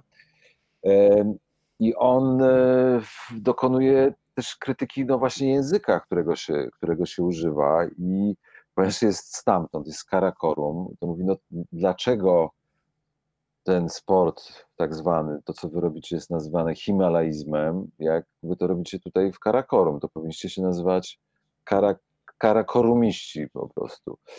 E, ale druga część twojego pytania była... Teraz się sama zgubiłam, słuchaj. tyle zrobiłam karakorą miści, a potem ci mówiłam, poczekaj. Drodzy Państwo, podpowiedzcie nam, bo tak się tutaj skoncentrowałam na, na karakorumistach, a potem ciebie... Wrócę, zaraz wróci, to przyjdzie. O zawłaszczaniu. A, posterunki wojskowe i o a, tym, że przecież to jest bardzo taki obszar, gdzie, gdzie jest blisko konflikt. Tak, bo oczywiście to jest tak, że ja sam to przeżywałem e, wielokrotnie. Rzeczywiście armia Pakistanu, e, podobnie jak każda armia, mówi no foto, no foto, tak? E, co jest o tyle absurdalne, że można przez satelitę wszystko zobaczyć. No ale dobra, powiedzmy, że nie można robić zdjęć w jakichś newralgicznych sytuacjach, żeby nie ujawniać potencjału wojskowego. Natomiast kiedy się ogląda wszystkie filmy, jakże piękne, z trasy z ostatniej wsi Askole, która u mnie się zamienia w Alcazar pod mm, e, Czogori, pod K2, to na, w żadnym z filmów, na żadnym z tych pięknych zdjęć nie ma posterunków wojskowych. E, ja rozumiem, że, że to jest zabronione, tylko że to jest trochę udawanie, że świat wygląda inaczej. To znaczy, ten, ten szlak w tej chwili jest nawet częściowo poszerzony po to, żeby, żeby wojsko mogło dostarczać już samochodami, przynajmniej część tej 100-kilometrowej drogi, dostarczać zaopatrzenie. I w, w Concordii, w tym, jak to się właśnie mówi, sanktuarium gór e, e, wysokich, z którego widać wszystkie ośmiotysięczniki Karakorum, tam jest baza wojskowa. Znaczy, oczywiście, że to jest skromna, jak na jest to ileś tam po prostu namiotów, czy w zasadzie budynków, ale to tam jest. I y, wszystkie relacje z tych pięknych wypraw udają, że tego tam nie ma. Mm, a to po prostu, no bo to trochę psuje widok, a to wojsko jest tam dlatego, że zaraz obok jest y, tak zwana line of control, bo to nie jest oficjalna granica, to jest właśnie linia kontroli, gdzie mm, Indie i Pakistan prowadzą wojnę. I to jest najwyżej położona linia frontu na świecie. I my tutaj tak bardzo przyjemnie jesteśmy też w tej rozmowie oderwani od, od, od naszego codziennego świata te, te, teraz, czyli od, mm, od inwazji sowieckiej na, na Ukrainę. I nawet specjalnie używam tego słowa właśnie sowieckiej, a nie rosyjskiej, bo ona jest jakoś taka ohydnie historyczna w najgorszym sensie. I, y, I to wszystko, co się tam dzieje, musimy sobie też uzmysłowić, że to jest też katastrofa ekologiczna. I to nie tylko dlatego, że Czernobyl niekontrolowany, nie tylko dlatego, że wypalanie lasów, nie tylko dlatego, że rolnicy um, ukraińscy nie są w stanie oprzeć pól i, nie będą w stanie y, zebrać plonów, ale również dlatego, że wojna i sprzęt wojskowy to są najwięksi truciciele. Tak? Mamy na przykład w Polsce, jest teraz wielka kampania na ten temat, y, którą się ostatnio w National Geographic zajmowaliśmy, na dnie Bałtyku mamy pozostawioną broń z okresu II wojny światowej, tak? która mhm. w pewnym momencie zaczyna się jakby uwalniać z tego, z tych pokładów, z tych e, skrzyń i tak dalej i, się w którymś momencie staje trująca. Do czego zmierzam? Do tego, że te najwyższe góry e, świata Karakorum są totalnie zatrute z powodu tego, że praktycznie że od dziesiątków lat dwie armie tam stoją i cały czas y, produkują odpady. Tak? I to mówimy nie tylko o, nie, o jakby odpadach bezpośrednich z człowieka, tylko mówimy o smarach, olejach, łuskach, jakichś resztkach amunicji i tak dalej. I to wszystko to nie jest utylizowane w żaden sposób, tak? Mm, tylko trafia w te góry po prostu i wojna i wojsko i całe wszystkie urządzenia z tym związane, jak się strzela, albo jak się nawet nie strzela, to jest ekologiczna masakra, którą niezależnie od tego, jak długo potrwa wojna, e, e, obrona Ukrainy przed Rosjanami, to potem Ukraina się będzie musiała z tym wszystkim, oprócz oczywiście całego mnóstwa innych problemów, zburzonych miast, trupów, E, straumatyzowanych kobiet i mężczyzn, też będzie z tym musiała sobie poradzić, czyli z tym po prostu potwornym powojennym śmietnikiem. Max Cegielski dzisiaj u Państwa w domu. Ja przypomnę, że rozmawiamy o książce Nazywam się Czogori. E, wspomniałeś, Max, jeszcze jakiś czas temu o Dolinie Alcazar. Ci wszyscy, którzy czytali rękopis znaleziony w Saragosie, E, znajdą również i to odwołanie do książki Jana Potockiego. Z dobrze poinformowanych źródeł wiem, że ty sięgnąłeś po tą książkę, sięgnąłeś po tą książkę po raz pierwszy w bardzo takim powiedziałabym wczesnym wieku i zastanawiam się, ile wtedy z tej książki dla siebie mogłeś zabrać w ogóle. Ile miałeś lat i w jakich okolicznościach przyrody, gdybyś mógł nam tutaj opowiedzieć trochę. Bo to jest książka, którą, nie powiem który, ale jeden z bohaterów y, zabiera. Zresztą nie piszesz tego wprost, potem w posłowiu można o tym przeczytać, ale ta okładka, którą przed chwilą pokazałeś, y, może tych, którzy tak. mają to wydanie naprowadzić, tak. To znaczy, to jest y, y, taka najgłębszy poziom ezoteryzmu w tej powieści. Czyli ci, którzy znają to stare piękne, najpiękniejsze, moim zdaniem, wydanie rękopisu znalezionego w Saragosie, to, od razu wiedzą, co zabiera ze sobą w podróż Żolo. Ale to nie jest wiedza obowiązkowa, to jest taki smaczek dla wtajemniczonych. Y, ja tę książkę przeczytałem za pierwszym razem, nic nie, nie zrozumiałem kompletnie i dlatego ją, e, dlatego ją czytam tak mniej więcej co 10 lat, powiedzmy, czy, czy może mniej na nowo za każdym razem odkrywam w niej coś nowego. Natomiast um, przeczytałem ją jako, nie wiem, dziesięciolatek powiedzmy, czy dwunastolatek, może, może dwunastolatek, um, będąc z moim, z moim ojcem gdzieś na wsi i, i potwornie się nudząc. No, a mój ojciec powiedział, inteligentny człowiek nigdy się nie nudzi. Powiedział, tam są książki. No to pociągnąłem taką. Ona jeszcze ma taką obwolutę, ja już jej nie mam, że jest taka jeszcze zewnętrzna obwoluta, która powtarza też ten motyw, e, no, jest motyw gry, e, życia, życie, życie jako gra. E, I tak, i ta książka z kolei, bo tamte, które pokazywałem, to był taki research dotyczący przedmiotu, natomiast ta była dla mnie bardzo inspirująca, jeżeli chodzi o konstrukcję, bo nazywam się Czogori, też ma taką konstrukcję, że ludzie opowiadają swoje historie, mm, ale nie jest aż tak szkatułkowe jak, jak u Potockiego. Mhm. To tutaj postawię przecinek, żebyśmy faktycznie wszystkiego e, nie zdradzili, ale zastanawiam się, czy się ze mną zgodzisz, że szczególnie e, tę część końcową książki będzie współtworzył trochę czytelnik czy czytelniczka, bo trzeba będzie to przefiltrować przez, e, no właśnie, taką ja bym to nazwała własną walizeczkę kulturalną, czyli w zależności od tego, co w tej walizeczce podręcznej masz, to różne skojarzenia będą do ciebie przychodzić, ale też pewnie w dużej mierze będzie to zależeć od tego, na ile potrafisz się użyję tego słowa puścić, puścić w tym mm. sensie, czyli wyjść poza takie bardzo racjonalne poznawanie świata, żeby jednak pozwolić sobie tak oderwać się kilka centymetrów od ziemi mm. i pójść za wyobraźnią i otworzyć się na istnienie czegoś, czego nie widać, ale co jest intensywnie obecne. O, tak bym to powiedziała.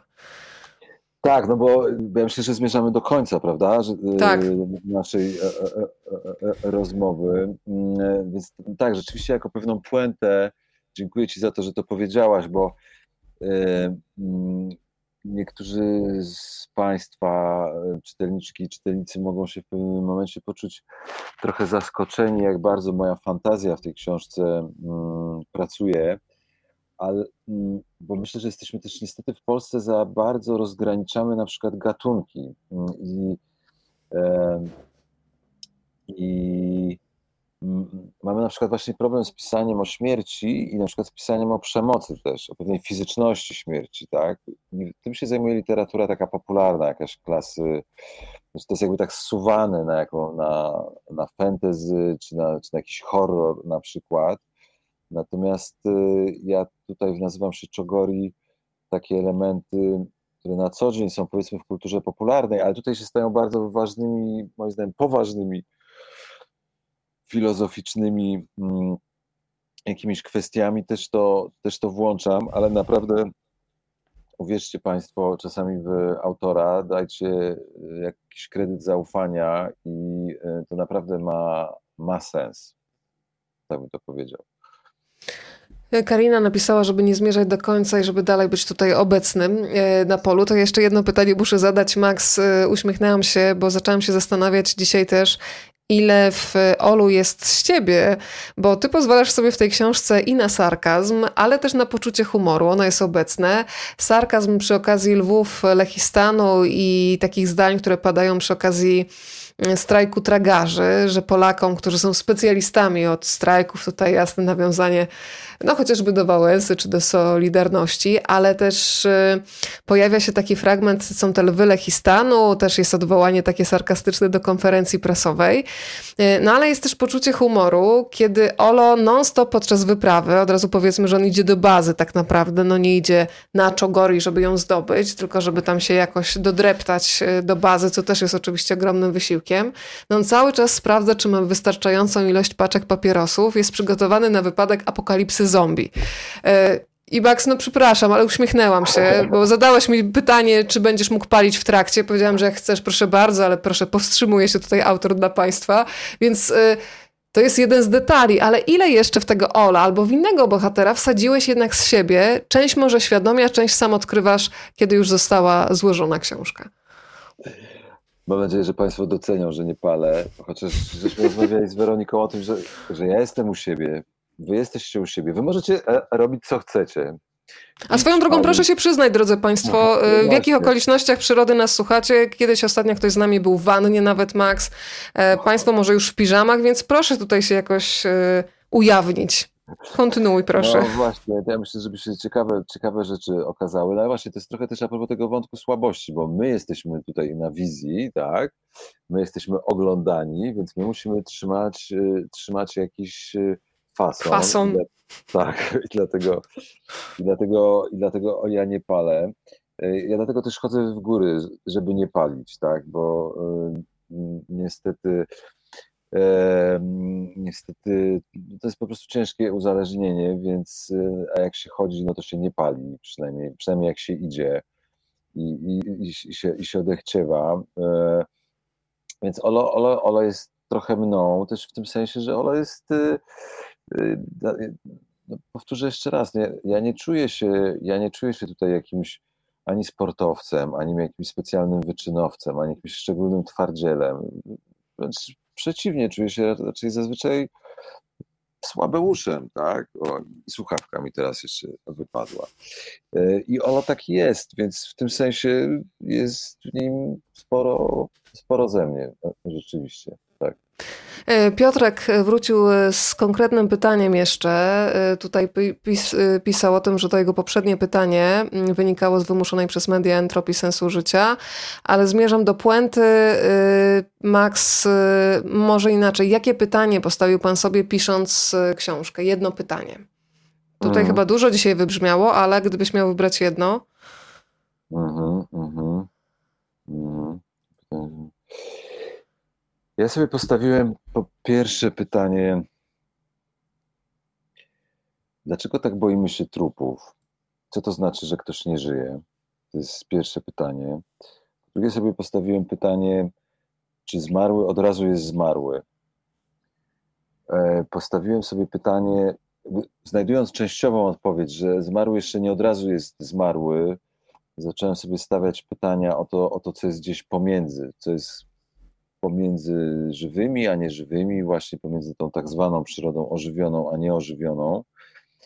Postawiłem sobie pytanie, co by w cudzysłowie mogły powiedzieć te trupy e, wspinaczy, co by mogli powiedzieć e, tragarze i co by powiedziała góra, tak? I, e, i trochę mm, pan tam, panie Piotrze, pisał o sensie życia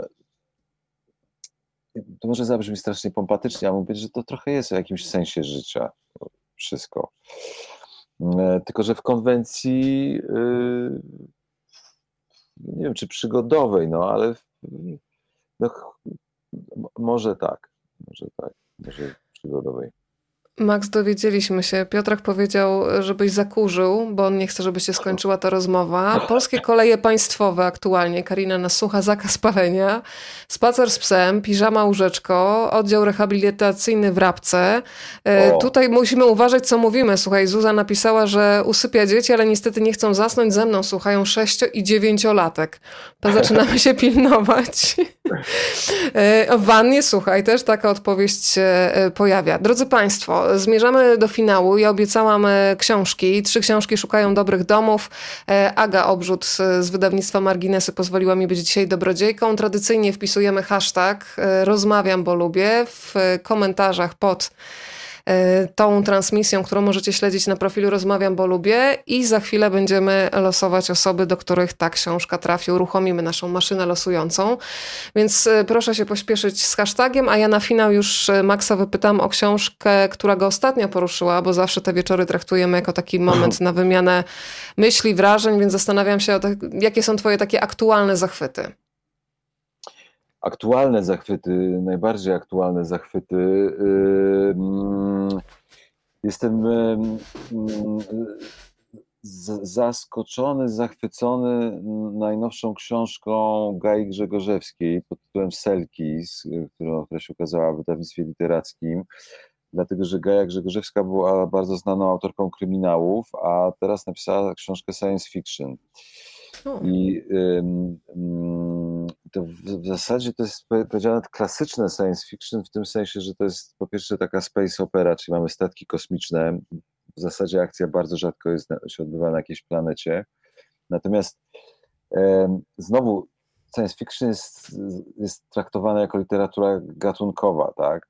Ja ostatnio mhm. miałem fazę tu nawet widać, e, że tutaj stoi książka o Stanisławie Lemie i obok niej cały, cały stos e, Stanisława Lema, dlatego że mm, dla Lema mm, gatunek science fiction był tylko jakimś właśnie e, maszyną, był jakimś wehikułem do zadania podstawowych filozoficznych pytań, a zresztą ta książka mm, Zapędzony y, z Wysokiego Zamku Agnieszki Gajewskiej to jest książka, która jest, y, pokazuje, że y, cała twórczość Lema wynikała z jego traumy Holokaustu i z tego, że do końca życia nie ujawniał, że jest pochodzenia żydowskiego.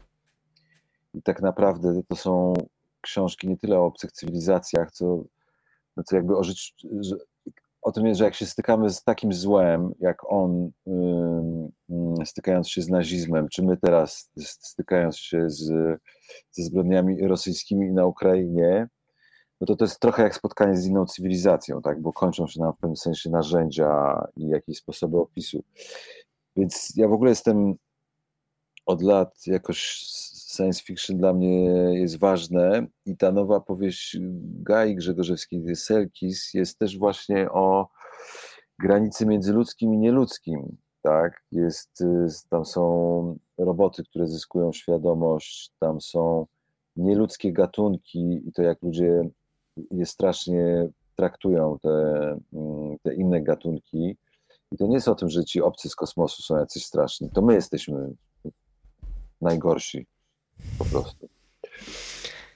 Drodzy Państwo, to teraz Max, y, wyprostuj się ładnie, trzymaj fason, bo teraz będziesz w komisji gier i zakładów, bo maszyna losująca tutaj się odpali. Pierwszy raz chyba uczestniczysz w takiej atrakcji, więc bardzo proszę, wow. zobaczymy do kogo tutaj trafi zaraz książka. Mm, pierwsza książka, prawie jak pani Małgorzata. Pani Małgosiu, to jedna książka za chwilę powędruje do Pani. Ja poproszę o maila po naszej rozmowie pod adres rozmawiam, bo lubię gmail.com. Ustalimy wtedy, w jaki sposób ona dotrze do Pani i uruchamiamy jeszcze maszynę dwukrotnie. Muszę mówić głośno, bo wiesz, moja maszyna jest w drugim pokoju, więc musiałam trochę podnieść głos, żeby wiedziała, żeby wystartowała. Druga pani Małgosia to jest wieczór y, Małgorzat w takim razie i po raz trzeci odpalamy. Piękny pies swoją drogą na profilowym. Nie byłabym mm. sobą, gdybym tego nie zauważyła. I trzecia szansa. And the winner is. Pani Anna, gratulujemy wszystkim. Max, ja Ci z całego serca e, dziękuję za te różne warstwy, które mogliśmy dzięki Tobie odkrywać. I powiem tak, że Twoja książka Nazywam się Czogori. To jest taka książka, która no właśnie pozwala nam uruchomić e, inną perspektywę e, i motywuje mnie, zmotywowała do zadania sobie takich podstawowych pytań o śmierć, o miłość, o marzenia, o wolność i odpowiedzialność. A swoją drogą, jeżeli Państwo już będą po lekturze, to też się poproszę podzielić wrażeniami. Dzisiaj Ci z całego serca dziękuję. Godzina 42 minuty. Chyba musisz pójść zapalić, a ja w takim razie się wybiorę na spacer z psem, tak? Bardzo dziękuję, bardzo dziękuję Tobie za zaproszenie, bardzo dziękuję za wszystkie komentarze, też za te mm, wiercenie i wsadzanie szpili, bo to jest bardzo potrzebne. E, dziękuję bardzo. Dobranoc. Max Cagielski, dobranoc. Dziękuję Ci bardzo.